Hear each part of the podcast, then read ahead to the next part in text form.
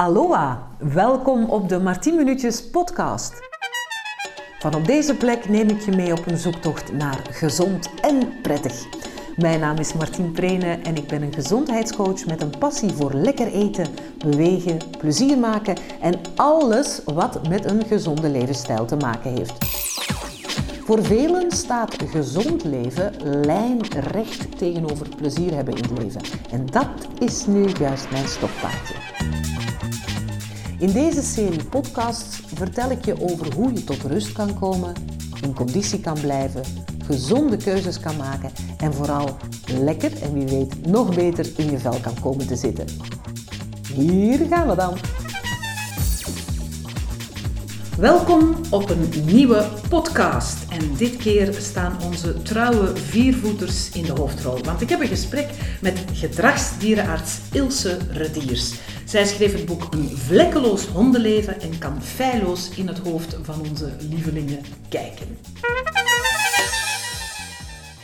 Ilse, welkom. Wij zitten hier uh, op gezonde afstand van elkaar af in mijn keuken voor deze podcast.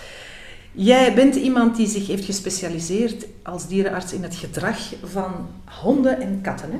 Ja, klopt. Eerst en vooral dank je voor de uitnodiging. Graag gedaan. Gedrag van honden en katten is eigenlijk altijd mijn passie geweest. Dat was ook een van de redenen waarom ik diergeneeskunde wilde studeren. Mm -hmm, mm -hmm. En we hebben ondertussen ook de Karel en Sokkie die af en toe hun aanwezigheid ook zullen laten horen door middel van gepiep, gehoest, gekrog, want ze willen eigenlijk mee aan tafel zitten. Nu, ik ben doorheen jouw boek gegaan en ik heb het ook uh, met aandacht gelezen, omdat daar dingen in stonden waar ik echt totaal geen weet van had en misschien ook niet de mensen die dit beluisteren. Maar het, het, de termen de alfahond, dominantie, de roedel, hè, je bespreekt dat uitgebreid in het boek. Is dat eigenlijk nog wel iets van deze tijd?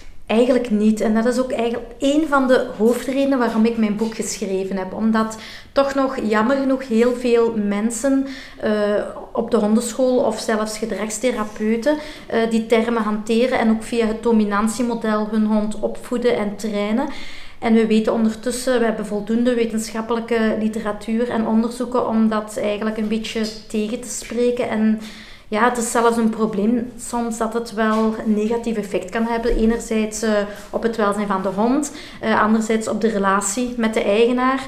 En er kan zelfs, uh, in plaats van dat het de oplossing is voor de gedragsproblemen, zou het vaak ook de oorzaak zijn van gedragsproblemen. Mm -hmm. Onder andere agressie en angstig gedrag. Is het dan zo, zoals um, bij mensen, als ze zich niet zo lekker in hun, in hun lijf of, en vooral in hun hoofd voelen, dan gaan ze naar een een uh, psycholoog, een psychiater of een gedragstherapeut, dat jij als gedragsdierenarts ook echt dieren kan helpen als ze echt een probleem hebben tussen hun oren, als ik dat zo mag zeggen? Of moet je dan eerder de baasjes aanpakken? Het is eigenlijk een combinatie en het hangt een beetje af van de oorzaak. Er zijn heel veel gedragsproblemen omwille van een verkeerde communicatie, verkeerde omgang. En dat hangt heel vaak nog samen met dat oude dominantiemodel. Dat mensen op een te ja, aversieve of een, een boze manier of een strafgerichte manier met de hond omgaan. Dat kan leiden, dus zoals ik net zei, tot uh, communicatieproblemen, waardoor de hond angstig is en, en daardoor uh, zich niet goed voelt. Uh, dan is het natuurlijk in de eerste plaats om het aan het baasje goed uit te leggen wat daar het probleem van is en hoe we het beter aanpakken. Maar anderzijds zijn er wel degelijk heel veel honden met... Um, angstproblemen of emotionele problemen, die kunnen wel ontstaan, ook omwille van die verkeerde aanpak. Maar dat kan ook een medische oorzaak hebben. Um, bijvoorbeeld pijn is heel vaak een probleem, um, wat leidt tot gedragsproblemen. En zo zijn er eigenlijk uh, een hele hoop medische problemen die kunnen aanleiding geven tot gedragsproblemen. En naast de medische problemen, de lichamelijke medische problemen, die kunnen leiden tot gedragsproblemen, zijn er dan ook nog echt medische gedragsproblemen, zal ik zeggen. Mm De zware angststoornissen, maar ook honden met obsessieve stoornissen, hyperactiviteit. Uh, dus er zijn echt wel daar ook uh, zware problemen. En dan is het uh, vaak, we gaan altijd gedragstherapie moeten doen. En zoals je al zei, de baasjes heel goed informeren en uitleggen wat ze eventueel anders moeten doen. Maar bij die die problemen is het soms ook nodig om uh, gedragsmedicatie, psychofarmaca te gebruiken. Ja. Maar mensen, het is niet aangeraden om daar zelf mee te gaan uh, lopen. Doktoren, hè, dan is het echt wel belangrijk dat mensen naar een gedragsdierenarts gaan. Klopt. Het is ook uh, het verschil met een gedragstherapeut en een gedragsdierenarts. Uh, want voor alle duidelijkheid, er zijn heel veel goede gedragstherapeuten die geen dierenarts zijn. Maar wat is een beetje het probleem? Enerzijds, het is een niet beschermde titel, dus iedereen mag zich therapeut noemen. En ook al heb je totaal geen wetenschappelijke kennis, dan mag je toch dat uh, doen. Uh, dus dat is enerzijds een probleem. Um, maar anderzijds is het wel zo wat ik net zei, er zijn heel veel goede gedragstherapeuten ook die geen dierenarts zijn. En het verschil is eigenlijk dat de gedragsdierenarts ook de medicatie kan geven. Ja. Een beetje zoals de psychiater en de psycholoog, denk ik. Hè? Inderdaad, met het enige verschil, want die discussie heb ik toevallig vorige week nog gehad. Um, Sorry. Nee, nee, maar ik ben blij. Dus ik vergelijk het daarmee ook. Alleen heb ik begrepen dat een psychiater enkel medicatie geeft en weinig begeleiding en gedragstherapie doet. Ah, okay. En dat doen wij als gedragsdierenarts natuurlijk wel. Ja, ja, ja. Maar als ik jou zo hoor, het baasje, zowel het dier als het baasje, wordt een beetje daarin begeleid. Dat zijn geen dingen die je in één afspraak oplost waarschijnlijk. Nee, jammer genoeg niet. Het is, uh, gedragsproblemen zijn eigenlijk meestal wel langdurig. De bedoeling is dat ik tijdens die consultatie de eerste keer eerst goed het probleem analyseer en dan ook probeer uit te leggen waar eventueel uh, het probleem zit en hoe we het gaan moeten aanpakken. Maar dan is het natuurlijk een weken of maandenlang of zelfs levenslang probleem, uh, doel om het op de juiste manier aan te pakken en de begeleiding verder te doen. Maar jammer genoeg is het niet als de mensen bij mij twee uur later buiten gaan, is het probleem niet opgelost. Nee. Dan begint het eigenlijk Maar ik denk dat de meeste mensen dat wel snappen als hun hond uh, of kat een echt probleem heeft. Hè. Um, ik had het er straks ook over de roedel en de wolven, hè, want hè, de hond die stamt toch af van de wolven. Klopt, absoluut. En, en, en, en een wolf leeft altijd in een roedel, dus met heel veel bij elkaar. Ik, ik heb altijd zoiets van, ik heb een tweede hond genomen omdat ik het zo zielig vond voor mijn hond dat ze alleen was. Klopt dat eigenlijk? Uh, ja en nee, want dat hangt af een beetje van, uh, van de hond zelf, van het individu. Eerst en vooral wil ik zeggen, wat betreft de wolf, is dat ook niet zo dat alle wolven in heel grote groepen leven. Ze leven wel allemaal in gezinsverband. Ah, nee, want in de campen zijn er ook solitaire wolven. Ja, daarvan weten we natuurlijk. Ja, ja, ja. Uh, wolven willen absoluut in een gezin leven, maar afhankelijk van de ondersoort. Dus je kan dat een beetje vergelijken met de ras. Er zijn bij wolven ook verschillende rassen. Alleen bij wilde dieren spreken we van ondersoorten en niet van rassen. Um, dus bij de verschillende de ondersoorten wolven is de grootte van de familie een beetje verschillend. Hè? Dus mm -hmm. dat is één probleem. Of, of dus de roedel is soms heel groot en soms heel klein. Klopt. Hè? Ja. Dus uh, ik ben geen wolvenexpert, dus ik kan niet zeggen bij welke wolven die groot en klein zijn. Nu, wat is het bij honden zo? Honden zijn ondertussen 40.000 jaar gedomesticeerd. Laat ik het afronden op 40.000 jaar. Die zijn eigenlijk voor een stukje uit, uit elkaar gegroeid, wolven en, en honden. Een beetje zoals wij en onze voorouders uit elkaar gegroeid zijn. En je kan eigenlijk zowel qua bouw, iedereen weet dat een chihuahua of een dalmatier niet meer op een wolf lijkt, um, of Suki, dat hij ook niet meer op een wolf ja, lijkt. Hè? Ja. Maar um, het is wel zo dat um, qua gedrag ze ook wel heel sterk verschillen. Dus er zijn uiteraard gelijkenissen met wolven, maar er zijn ook heel veel verschillen. Dus het is eigenlijk niet meer juist om te gaan vergelijken. En zeker het sociale gedrag bij honden is niet hetzelfde als dat bij wolven. Als we gaan kijken naar wilde honden, die leven eigenlijk meestal solitair alleen. Heel soms in paren, uh, met een vriendje. Dat hoeft niet een partner te zijn, maar met twee. En soms in grote groepen, maar dat hangt eigenlijk meer af van het feit dat ze rond vuilnisbelten leven en dan daar veel voedsel is en daarom gaan ze in grote groepen leven. Maar dat is niet vergelijkbaar als die groepstructuur bij wolven. Als we dan gaan kijken naar de huishonden, ja, de meeste huishonden die leven in een gezin met mensen en heel vaak ook met andere honden, maar dat is al helemaal geen familieverband niet meer, want wij kiezen welke hond erbij komt. Mm -hmm. Heel vaak is dat uh, een hond en je, een jaar later of twee jaar later komt er een volgende hond bij, dus die zijn totaal niet verwant. Ik dacht altijd, hond is toch een roedel of een familiedier, dus uh, mijn man, mijn zoon, mijn dochter, mijn schoonzoon, schoondochter, dat is eigenlijk allemaal familie van mijn honden. Die aanzien ja. ons als hun familie ja. en zullen ons ook beschermen. Ja. Ik wil daar toch nog eventjes op verder gaan of op Mhm. terugkomen. Dus hè, stel dat er een tweede hond bij komt. Ja. En dat kan heel goed klikken en dan wordt dat een deel van de familie. Mhm. Maar soms klikt dat niet. En wat is het verschil? Wij kiezen onze partner, onze Ja. kinderen komen erbij. Maar bij die hond, er komt een wildvreemde hond bij. Mhm. En soms botsen karakters niet. En wat doen wij als mensen? We gaan uit elkaar als koppel als het niet meer lukt. Als hond heb je niet te kiezen en je moet dag in dag uit met elkaar door. En eh, vaak ook nog misschien in wat kleinere omstandigheden. Je leeft in huis als je gelukkig bent als hond. Sommige honden leven buiten even gelukkig. Maar ik wil Mhm. maar zeggen, in huis zit je wat kleiner, zit continu bij elkaar. En je kan niet kiezen om de knapzak te pakken en te vertrekken. Nee. Is het dan misschien een idee als je nog overweegt om een tweede hond te nemen, om je hond die je al hebt mee te nemen, om te kijken of het klikt met een nieuwe hond? Absoluut, ja. Een heel goed idee. Dat geeft al veel meer zekerheid dat het gaat lukken, maar garanties heb je nooit. Want waar zit het probleem vaak? Ehm, op het moment dat, eh, als, we, als we twee volwassen honden bij elkaar zouden zetten, zou dat heel goed gaan. En dan kan je dat al goed voorspellen. Maar als je er een pup gaat bijnemen, kan het goed zijn dat het de eerste twee jaar perfect verloopt. En dan op het moment dat die pup de sociale volwassenheid, volwassen wordt eigenlijk, dat dat toch begint mis te lopen. Oké. nu, in heel veel gevallen gaat het goed meerdere honden samen, maar ook in sommige gevallen gaat het heel moeilijk en zelfs fout. Ja. Ja, ik ben een grote voorstander van Don't Shop Adopt. Ehm, ik weet niet wat jij daarvan vindt. Eh, daar kunnen we misschien nog zo meteen op terugkomen. Maar ik heb zoiets van, onze Sokkie heeft al, eh, is al eh, best wel op leeftijd. En ik heb zoiets van, als zij gaat hemelen, wil ik heel graag nog een hond erbij. Voor onze Karel. Niet voor onze Karel, maar ook voor onszelf. Dus heb ik al begrepen uit jouw uitleg.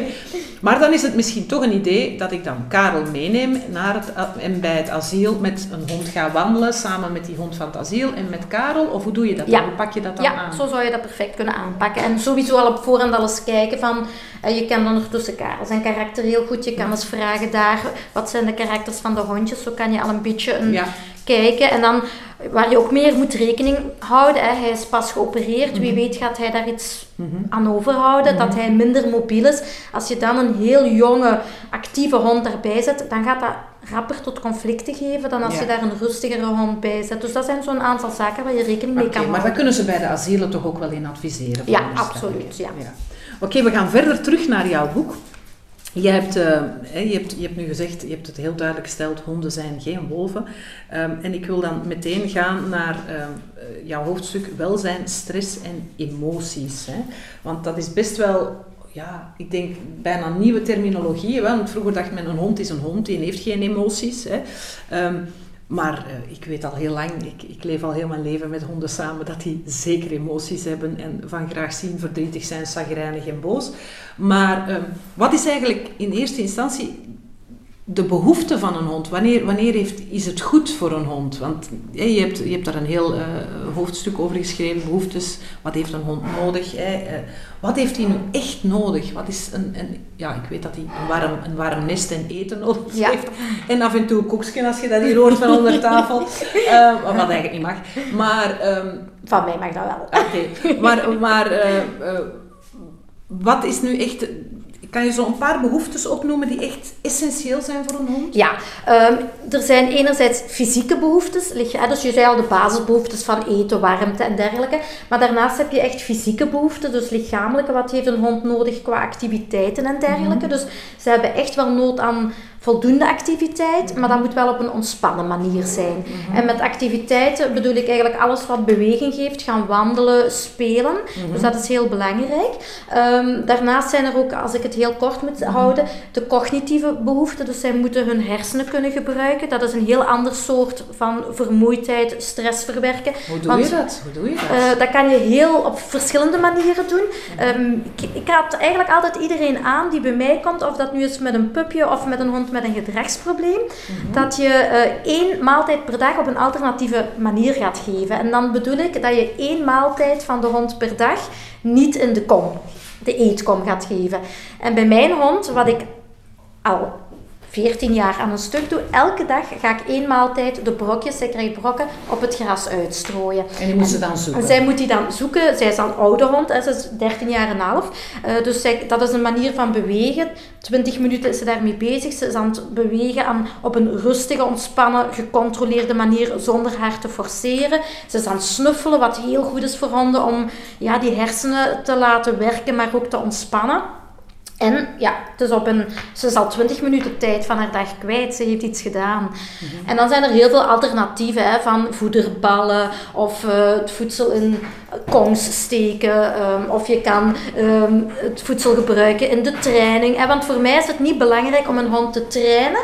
Maar het is wel heel interessant om je hond te trainen of commando's eh, te leren of trucjes te leren, omdat ze dan moeten nadenken. Ja. Je kan ook dingen gaan verstoppen. Dus dat zijn zo'n aantal voorbeelden van de cognitieve. Ja, sorry, sorry, sorry. Ik ben echt aan het sukkelen nu. Ik probeer mijn hond op de stoel te krijgen. Maar omdat ook Soki onlangs aan haar knietjes is geopereerd, is ze een beetje onhandig aan doen en ik niet. Allee, en omdat dat natuurlijk een beetje pijn kan doen dan. Ja, dus zo, en nu zijn echt... Ze wil, maar ze weet... nog moeten zien, dat ze zo graag bij zijn. Ja, gaar. Ja, en dan even aan het knietje liggen. Oh, gaar. Zo, het is goed. Zo. Maar dat is ook een heel belangrijke, erbij zijn. Dat is een heel belangrijke behoefte. En dan kan ik ook terug die link maken naar daarnet. En je zei van, honden in gezinsverband, ah wel, wat heeft een hond nodig om gelukkig te zijn? Erbij zijn. Ja, dat maakt een hond echt gelukkig deel uitmaken van het gezin. Um, voilà, Dus dat zijn een aantal heel belangrijke behoeften. Um, nu, jij zegt uh, die, die brokjes uitstrooien. Uh, ik wist dat, want je vertelt daar ook over in je boek en zo, hè, de, die cognitieve stimulering. Ik heb een blinde hond. Ja. die een longaandoening heeft en niet goed kan snuffelen. Mhm. En ik heb een best wel grote, stoere hond. Dus ik heb twee honden, die hebben allebei hun, hun leefwereld. En ik heb het al geprobeerd om Sokkie, dus de grote ziende hond, apart eten te geven, brokjes uit te strooien. En de kleine dan zo bij hem in de buurt te liggen, want die kan niet goed ruiken en die kan niet goed zien. Dus die sukkelaar vindt zijn brokjes niet. Dus dat was geen oplossing. Nee, klopt. We moeten natuurlijk rekening houden met de beperkingen, met, met de beperkingen van, van, een hond. Dit is nu wel een hond met veel beperkingen dan inderdaad. maar kan hij nog goed zien? Nee, hij is blind. Ook, ah nee, hij kan niet goed zien. Hij is blind. Hij ziet slecht, hij ruikt goed. Ja, dan, dan wordt het natuurlijk een beetje moeilijk. Ja, ja, ja. Dus, dus wij, we proberen wel. En hij komt ook s'avonds ook, gaat hij uit zijn speelgoedmand ook van alles halen. En dan lopen we er wel mee rond. En ik, ik zeg ook altijd luister naar de stok. En dan gooi ik een stok en dan gooi ik die extra hard, dat hij weet waar hij neervalt. En dan kan hij hem vinden. Of een belletje eraan vasthangen. Ja, we hebben ook een bal met een belletje. En wat, wat ook heel belangrijk is, want dat is, uh, hoort ook heel ja, wat honden echt nodig hebben, is kauwen. Dus hij gaat zeker en vast nog goed kunnen kauwen. hè? En, en, dat is ook heel ontspannend. En er mhm. was nog één ding wat ik daarnet vergeten was. En naast fysieke en cognitieve behoeften is ook de emotionele behoefte. Mm Het erbij willen zijn, maar ook veiligheid. Voor mij is dat een heel belangrijk iets dat, dat de hond een gevoel van veiligheid heeft bij mhm. jou. Mhm. En dan bedoel ik zowel de fysieke veiligheid, dat hij nergens eh, als blind zijnde ergens tegenaan loopt of in, een, in de vijver valt um, of zoiets. Maar ook veiligheid naar angsten toe, dat hij zich geborgen voelt, dat hij weet dat hij ja, beschermd is bij jou. Ja. ja. Oké, dus uh, het, het, eten uitstrooien, zorgen dat ze genoeg kunnen spelen en kunnen snuffelen. Want dat snuffelen, dat is toch ook een hele belangrijke als je wandelt. hè? Want ik zie zo heel vaak mensen met hun hond lopen. Nadat ik je boek had gelezen, heb ik zo vaak de neiging om tegen mensen te zeggen, lees dat boek eens. lees, lees, lees het boek om vlekkeloos hondenleven. Dan weet je dat je niet aan die riem moet trekken, omdat je hondje even aan een paaltje aan het snuffelen is. Dat maakt toch honden ongelukkig. Ah, wel, dat kwam een beetje vanuit dat dominantiemodel nog van vroeger. En toen op de hondenschool werd geleerd dat honden naast jouw been moeten lopen met de neus naast jouw knie. Ehm, en dat is net, ja, voor mij is dat geen probleem op stukken waar het gevaarlijk is. Of dat je zegt, nu gaan we eens echt bewegen als sport. Geen mhm. enkel probleem. Maar de ontspanning en wat wij krijgen tijdens de wandeling door te kijken en, en, ja, en te luisteren naar de vogeltjes, dat is wat voor honden snuffelen is. Dus dat is zo belangrijk. Als ze eventjes willen stoppen, wacht eventjes, laat ze snuffelen en vraag dan om terug verder te gaan. Ja. Tot zover mijn eerste gezellige babbel met Ilse Rediers, de schrijfster van Een Vlekkeloos Leven. Die vond plaats hier in de keuken voordat corona nog meer gaten sloeg in ons sociale leven. En ondertussen heb ik tijd genoeg gehad om het boek nog eens aandachtig en helemaal goed van naadje tot draadje te lezen. En popte er toch nog wat vragen bij me op. Dus heb ik nog even met Ilse gezoomd met die extra vraagjes. Ook voor jullie natuurlijk. Oké. Dus ik ben helemaal gerustgesteld. Uh, ik hoef mijn hond niet te laten zien dat ik de baas ben. Maar ja, hoe moet ik het dan wel aanpakken? Hè? Je hebt een heel, een heel hoofdstuk gewijd aan welzijn, stress en emoties. Hè? Dat dat veel gebruikte gebruikte begrippen zijn, maar wat dat eigenlijk betekent voor honden. Want ja, uw hond lezen, dat is toch ook wel um, iets wat, wat een mens moet kunnen. Hè? Hoe weet je nu dat je hond gelukkig is? Ja, um, ik wou nog rap eventjes erop inspelen van inderdaad, je moet niet... Uh, zoals je net zei, je moet niet dominant zijn over je hond en je moet geen baas zijn, maar je moet natuurlijk wel een beetje leiderschap geven. Je moet wat regels geven, een goed, laten we het zeggen, een ouderfiguur zijn. Um, maar inderdaad, als we kijken naar welzijn en, en stress, dat is heel belangrijk dat we eerst en vooral beseffen, ja, een hond is natuurlijk een andere diersoort, die heeft andere behoeften als mensen. Dus dat we een beetje leren over wat heeft een hond nodig, zowel lichamelijk als qua gedrag en emoties om zich goed te voelen. En dan is het gewoon belangrijk om zo goed mogelijk de behoeften van jouw individuele hond in te vullen. Want natuurlijk Um, niet de ene hond is de andere niet. Hè? Dus uh, jij en ik, Martien, hebben allebei honden met, uh, die al wat ouder zijn, met medische problemen. Dus onze honden hebben meer nood aan misschien wat extra knuffel, extra verzorging, maar vooral zachte manden um, bijvoorbeeld. Dus uh, iets kortere wandelingen bijvoorbeeld. Dus daar moeten we wel rekening mee houden, ja. Dus eh, een oudere hond heeft meer comfort nodig. Maar stel nu de doorsneehond. Wat, wat heeft een doorsneehond echt nodig om gelukkig te zijn? Ja, misschien uh, het, het, het, laatste hoofdstuk van mijn boek, daar ga je dat uitgebreid vinden. Maar misschien heel kort samengevat, voor mij zijn er vier grote zaken dat elke hond nodig heeft. Het eerste is voldoende beweging, maar dat is wel voldoende ontspannen beweging. En daarmee bedoel ik, um, beweging is voor mij zowel spel als wandelen. Maar die wandeling moet op een ontspannen manier verlopen, ook voor de hond. Dus dat is niet meer zoals vroeger, de hond moet naast jouw knie lopen en de hond moet zijn neus naast jouw knie hebben en mag niet snuffelen. Nee, in tegendeel. Ontspanning tijdens de wandeling betekent voor honden kunnen snuffelen eh, en ze moeten ook niet zo dichtbij. Je mag ze wat vrijheid geven, dat maakt het leuker voor de hond ook. Dus zo'n zo'n uitlooplijn is dan veel beter dan zo'n korte riem?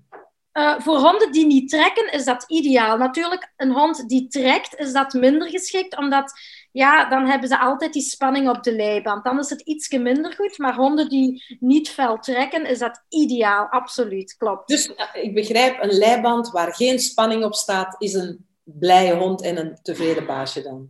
Absoluut, heel, Oké, okay, dat is het eerste. Dat is het eerste punt, dus ontspannen bewegen en snuffelen. Ja, en een ontspannen spel daarmee samengaand, inderdaad. Het tweede punt, wat heel belangrijk is, is um, het cognitieve, het aspect stimuleren. Daarmee bedoel ik eigenlijk de hersenen, de neus uh, activeren, stimuleren. Dus hoe gaan we dat doen? We kunnen, ja, eigenlijk de regel die ik iedereen geef of, of meegeef, wat ik heel interessant vind is dat je je hond één maaltijd per dag op een alternatieve manier geeft. En daarmee bedoel ik dat je één maaltijd per dag niet in de kom geeft. Wij hebben dankzij jouw boek hebben wij een, een, een trucje. En dat is, de ene hond heeft een bal waar haar, uh, haar droogvoer in gaat. En die is dan een kwartier aan het rondballen. Uh, en de ander heeft een flesje uh, een, een, plastic fles. Dus wij zijn heel ecologisch, want plastic fles is nu al een paar weken in gebruik. En daar gaan elke keer brokjes in en hij gooit daarmee en hij smijt daarmee. En dan vallen er af en toe een paar brokjes uit. En dat vindt hij helemaal fantastisch. Geweldig, ja, klopt. Dat is zo een van de zaken die je kan doen. Dus het hoeft altijd niet zo duur te zijn. Hè. Je kan een snuffelmat gebruiken, maar je kan zelf een snuffelmat maken ook. Dus er zijn snuffelmat? Een snuffelmat, dat is eigenlijk ja, een mat waar, je, ja, waar stukjes stof uitkomen. Uh, je moet dat zeker eens opzoeken. Mm En dan kan je de blokjes daarin gooien. En dat is echt heel leuk. Um, mm Maar wat wel belangrijk is, al die speelgoedjes die je gebruikt voor het eten, dat je die nadien ook wegneemt. Want anders kan dat natuurlijk wat frustrerend zijn, omdat die geur van het voedsel er nog wat in hangt, maar er zit geen eten niet meer in. Dus we hebben al ontspannen bewegen, snuffelen. Dan hebben we het cognitieve stimuleren, met de voeding, verspreiden, altijd een soort van zoekmoment ervan maken of zo. En het derde? Het derde is kauwen. Kauwen brengt enorm veel ontspanning, rust bij honden. En het is heel belangrijk, want mensen denken maar altijd: ik moet voldoende activiteit aan mijn hond geven. Ja, dat klopt. Maar er is een verschil tussen activiteiten die fysiek vermoeiend zijn, zoals wandelen, spelen. Maar daarnaast is het even belangrijk om rustige activiteiten te doen. En dan is, zoals daarnet in, in dat tweede puntje, die, die, die voedselspelletjes zoeken, uh, commando aanleren en het kouwen. Heel belangrijk om eigenlijk op die manier tot rust te komen. Mhm. Dat is eigenlijk het derde puntje. En dan het vierde puntje, dat is uh, voldoende affectie, knuffelen, massage. Dat is natuurlijk ook heel, heel belangrijk. Dus zoals bij jou, samen op het bed liggen, zalig als je een hond bent. Ja, ik weet, een van onze honden, het liefste wat ze heeft, is als we zeggen massage, en dan gaat ze er al voor staan. Zo van, ja, doe maar. Dat vindt ja. ze heel, heel, heel fijn. Dus uh, ja, dieren hebben evenveel behoefte, denk ik, aan dat knuffelen als wij. En ik heb ook geleerd als uh, gezondheidscoach dat die dieren ons nu ook kunnen helpen. Bij huidhonger en knuffelhonger is knuffelen met je huisdier ook wel een heel, heel, heel, heel goed idee. Hè? Nu, um, als we het hebben over onze hond en communiceren met onze hond. Um, je hebt daar een heel, uh, een heel hoofdstuk gewijd aan hoe onze honden de wereld ervaren. Hè? Maar kan je misschien in het kort zeggen hoe het voor een hond is om in onze wereld te leven? Ja, um, dus wat sommige mensen denken is dat honden in zwart-wit zien.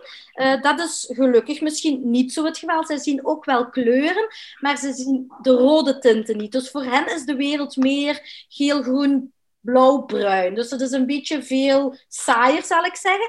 Maar hun zicht is ook uh, minder in die zin. Zij gaan dichterbij, minder scherp zien. Um, daarentegen gaan ze iets beter in het donker zien. Maar wat bij hen het belangrijkste zintuig is, is natuurlijk die neus. Dat is het allerbelangrijkste.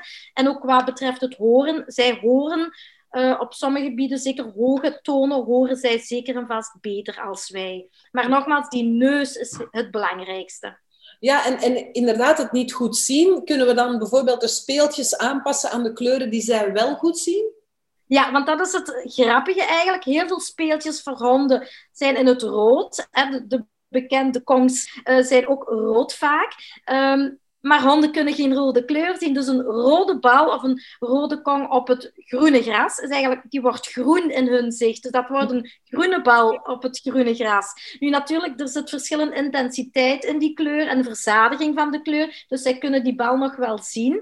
Maar eigenlijk is dat groen op groen. Ik denk dat ze dat gewoon doen om omdat wij rood het meeste, het beste opvalt in ons, bij ons. Vandaar dat ik denk dat daarom zoveel speeltjes in het rood zijn. Nu, aan de andere kant, ik denk dat de kleuren van die speeltjes niet het belangrijkste zijn. Ik denk dat de kwaliteit, het moeten leuke speelgoedjes zijn. Dat is belangrijker, denk ik.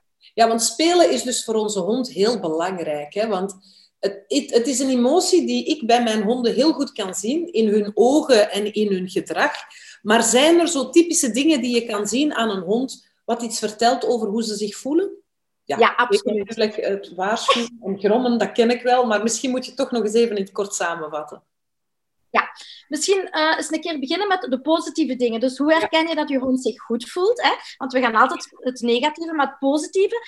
Uh, een hond die ontspannen is, ja, dan zit er geen spanning in de ogen. Uh, dan zie je niet zo dat oogwit. Um, maar ook de spieren zijn ontspannen. Dat is misschien al iets moeilijker uh, voor de meeste hondeneigenaars om te herkennen. Maar dan bijvoorbeeld uh, heel typisch een hond die gelukkig is, uh, die gaat ook een ontspannen, vaak een lach op zijn gezicht. Dat die mond zo ontspannen wat open hangt. Um, dus dat is eigenlijk heel typisch. En dan het kwispelen misschien toch zeggen, want daar bestaan ook wel veel misvattingen. Dus kwispelen kan wel degelijk een teken van blijdschap, van geluk zijn. Maar het kan ook een teken van agressie, van opwinding en angst zijn. Kwispelen is eigenlijk een, een signaal van, van opwinding. En dat kan een positieve emotie hebben. Ik voel mij goed, ik ben blij. Oh, jij we mogen gaan wandelen, leuk. Of het kan zijn van, blijf weg, um, ik voel mij gefrustreerd. Uh, Dus dat kan het ook betekenen. Maar dan is het een verschil hoe de kwispel is. Bij een, een, een vrolijke kwispel, dan is het meer een, losse kwispel. Natuurlijk, hoe meer opgewonden de hond wordt, blij van het spelen en het wandelen, hoe, hoe sneller die gaat. Maar die, die agressieve kwispel, dat is meer een korte, stijve kwispel. Dus, dus mhm. daar zit wel degelijk een verschil. Ja, en een verstijfd lichaam ook. Hè? Dat zie ik aan. Uh, verstijft die en dan gaat dat staartje zoals een stokje. Zo, zo van, er zit geen zwiep in die staart dan. Nu, uh, men zegt ook vaak, hè, mensen, uh, ik merk dat heel veel, omdat ik dus een hond heb die slechtziend is, dat mensen heel snel, um, als een hond blaft of gromt, hun hand uitsteken om te laten snuffelen. Volgens mij is dat geen goed idee. Um, uitsteken zou ik zeker inderdaad niet doen. Nu, honden rieken heel goed, dus het zou op zich niet echt nodig Maar je kan best hand, die hand naast je lichaam laten. Uh, als je de hand laat rieken, ga ze zeker niet de hand hoog houden. Want inderdaad, een hond die slecht ziet en je gaat, zij gaan heel, nog minder goed de bewegingen herkennen. Dus te zeggen, zij gaan een beweging nog rapper als een bedreiging ervaren. Dus als je daar een snelle beweging doet en zeker over het hoofd, dan gaat het uh, als een bedreiging overkomen. Um, de hand laten ruiken lang zonder zou kunnen, maar ik zou best gewoon de hand kunnen laten hangen naast jouw lichaam. Mhm. En gewoon eventjes rustig afwachten en um, kijken hoe de hond reageert. Nu, ik zie vaak, ik weet, bij ons in de familie wordt er veel gejogd en ge, gelopen. En um, wat moet je nu doen als je uh, als jogger of wandelaar in aanraking komt met een hond die al dan niet aangelijnd uh, grond en blaft. Wat moet je dan eigenlijk doen? Ja, wat ik zeker um, niet zou doen, is mij heel snel omdraaien en weggaan. Want uh, ja, als de hond los is, dan heb je, loop je het risico dat hij achter je aankomt en in je enkels of in je benen bijt. En dat wil je natuurlijk niet. Nu, het feit dat hij zo reageert, is um, wat ook de oorzaak is, dat, dat maakt eigenlijk niet zoveel uit. Maar wat we moeten doen, is sowieso de blik afwenden. Niet frontaal in de ogen blijven kijken. Maar ik hou altijd wel een beetje zijdelings contact. Want ik wil natuurlijk zelf zien wat die hond gaat doen. Dus ik ga de blik zeker afwenden. Maar ik hou hem vanuit mijn ooghoek in de gaten. Je gaat geen grote, hevige bewegingen meer maken. Want elke grote beweging kan een aanval uitlokken. En je gaat gewoon heel rustig met de handen naast je lichaam of uh, in je zakken rustig stapje naar achter, zo, met het, ja, nogmaals, zonder oogcontact te maken. Maar draai je zeker niet plots om, want je hebt sommige honden die een beetje uit angst uh, agressie vertonen. En die zouden op dat moment de moed kunnen verzamelen om dan toch achter je aan te komen. Dus, uh, maar wel je blik afwenden. En, en klopt het dat honden voelen als je bang bent of ruiken? Dat wordt wel eens gezegd. Hè? Honden voelen dat als je bang bent en dan voelen ze zich, uh, dan is het misschien een gevaarlijkere situatie. Ja, en de reden is eigenlijk letterlijk zoals je het zelf zegt. Ze voelen het, maar ze ruiken het ook letterlijk. Want wij gaan bij angst bepaalde geuren afscheiden. Ja, en honden ruiken zoveel beter. Misschien gewoon even illustreren hoe goed zij ruiken. Want dat ben ik daarnet vergeten te zeggen. Als je een, een, een ovenschotel maakt met allerlei ingrediënten. Voor ons is dat één geur, omdat alles samen in de pan zit voor hen, zij kunnen elk ingrediënt apart ruiken. Zo goed kunnen zij ruiken. Dus als wij angstig zijn, gestresseerd zijn, dan gaan zij dat effectief kunnen ruiken. Um, maar natuurlijk, als je bang bent, ga je ook je houding anders houden. Je gaat stijver staan, verkrampter staan, types de mond wat uh, anders vertrekken, je ogen wat opspannen. Dus die stijve, onnatuurlijke uh, ja, gespannen houding, dat gaan zij ook merken, hoe er is iets aan de hand. Dus het is eigenlijk een combinatie door letterlijk het ruiken en ook jouw houding het zien. Ja, klopt. Mhm. Ja, en, en is het dan ook zo, we zitten nu in coronatijden, mensen wandelen gelukkig vaker met hun honden. Dat, dat, kan ik alleen maar, daar kan ik alleen maar blij om zijn, want ik zie heel veel blije honden in de natuur als ik ga wandelen ook. Maar met hun baasjes dan. Maar hoe zit dat dan als het baasje zich minder blij voelt? Hè? Veel mensen hebben het momenteel mentaal enorm zwaar. Wat doet dat met hun hond? Ook daar kan het uh, zijn dat die emoties worden overgenomen. Hè? Want als jij je slecht voelt, ja, dan ga je misschien ook meer kortaf zijn. Je gaat prikkelbaarder zijn en je gaat dat ook soms afreageren op jouw hond. Dus dat is natuurlijk uh, ook geen goede zaak, want die stress kan uw hond ook natuurlijk krijgen. Aan de andere kant, als jij gelukkig voelt, ja, dan gaat die hond dat ook uh, merken. Hè? Dus klopt, ja. Ja, ja, ja, ja. ja. Um, als ik kijk naar, naar mijn honden, dan weet ik wel waar zij blij van worden. En, en mijn honden lachen ook echt. Als ik binnenkom, dan lachen ze allebei. Dat is heel grappig om te zien. Maar ehm, wat, wat, wat zijn nu de basis-emotionele behoeften van een hond? Eh, waardoor ze, ja, het feit dat hun baasje gelukkig is, maakt hen ook blij. Het feit dat ze kunnen ontspannen bewegen, cognitief gestimuleerd worden, kunnen kauwen, kunnen knuffelen. Maar is er, is er zo één emotionele behoefte die die aan de top staat voor een hond? Dat hij echt nodig heeft? Ik denk vooral een gevoel van veiligheid en geborgenheid. Dus iemand waar ze zich goed bij voelen. Mhm. Ja, dat is eigenlijk onvoorwaardelijke liefde. Eigenlijk een beetje zo, wat heeft een kind nodig?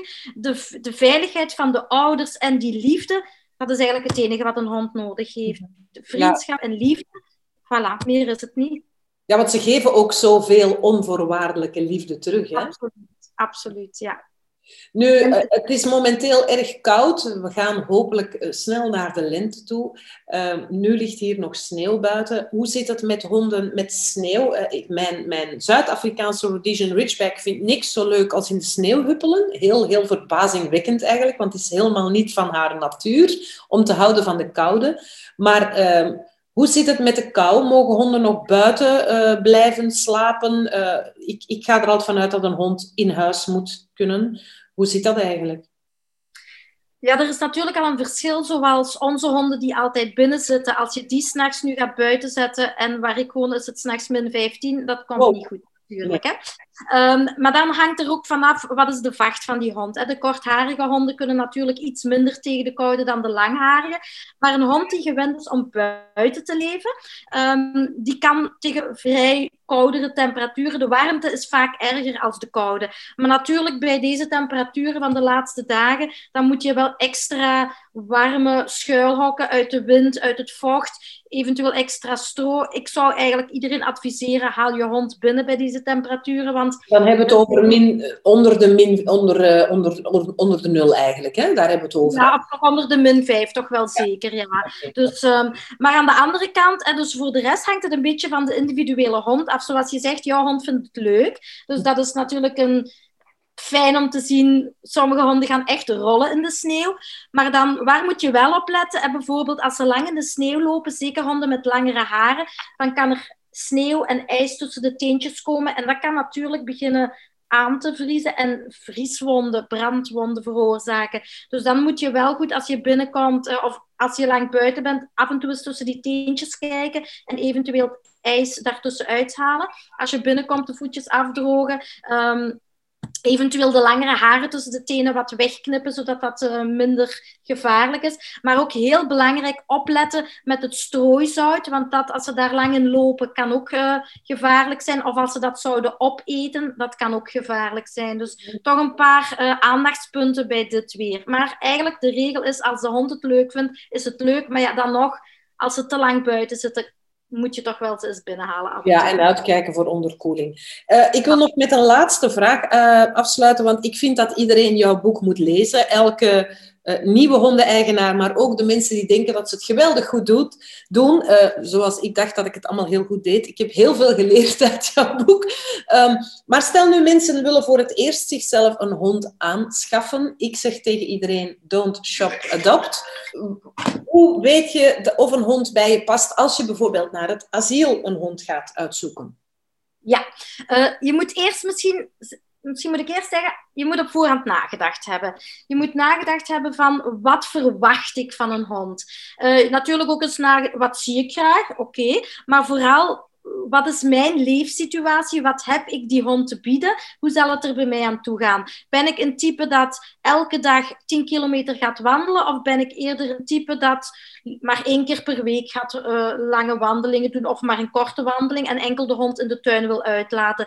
Dus je moet even goed nadenken, ook wat betreft de kosten die het gaat zijn. En dus een, een, ja, een grote hond kost meer, want die moet veel meer eten. De medicatie is duurder. De dierenartsenkosten zijn in verhouding duurder. Dus daar zitten ook allerlei al verschillen. En dan ook van vachtverzorging. Ja, als jij een langharige hond of een ruwharige moet je misschien naar de trimmer gaan. Bij een kortharige hond moet dat helemaal niet. Dus je moet al daar op voorhand over hebben nagedacht. En dan, als jij al weet wat past bij mij qua activiteit, qua qua verzorging, dan kan je gaan kijken en, en afspreken en bespreken met de mensen van het asiel, want zij gaan zeker de, een aantal gepaste uh, honden kunnen aanbieden en misschien een aantal uitsluiten die niet passen bij jouw levenswijze. En dan zou ik zeggen, ga eens kennis maken, ga eens wandelen met die hond en kijk of het klikt tussen jou en de hond. Mhm. Dat is eigenlijk het advies dat ik jou zou geven dan. Ja, ja, ja. ja want dan heb ik het inderdaad over het asiel. En als mensen nu echt een hond willen kopen bij de fokker, waar moeten ze dan op letten? Want ja, hoe weet je dat je niet bij een broodfokker zit? En hoe, hoe weet je dat je ja, ergens zit waar, je hond, waar, niet, waar geen misbruik wordt gemaakt van honden? Klopt. Ehm, en om dat een beetje te helpen heb ik um, uh, een vragenlijst toegevoegd uh, achteraan het boek. Dat is een vragenlijst opgesteld door de Limburgse dierenarts, een werkgroep uh, voor Pup for Life. En daar hebben wij een aantal vragen opgesteld om de fokker een beetje te bekijken en tips te geven hoe je een goede fokker moet kiezen.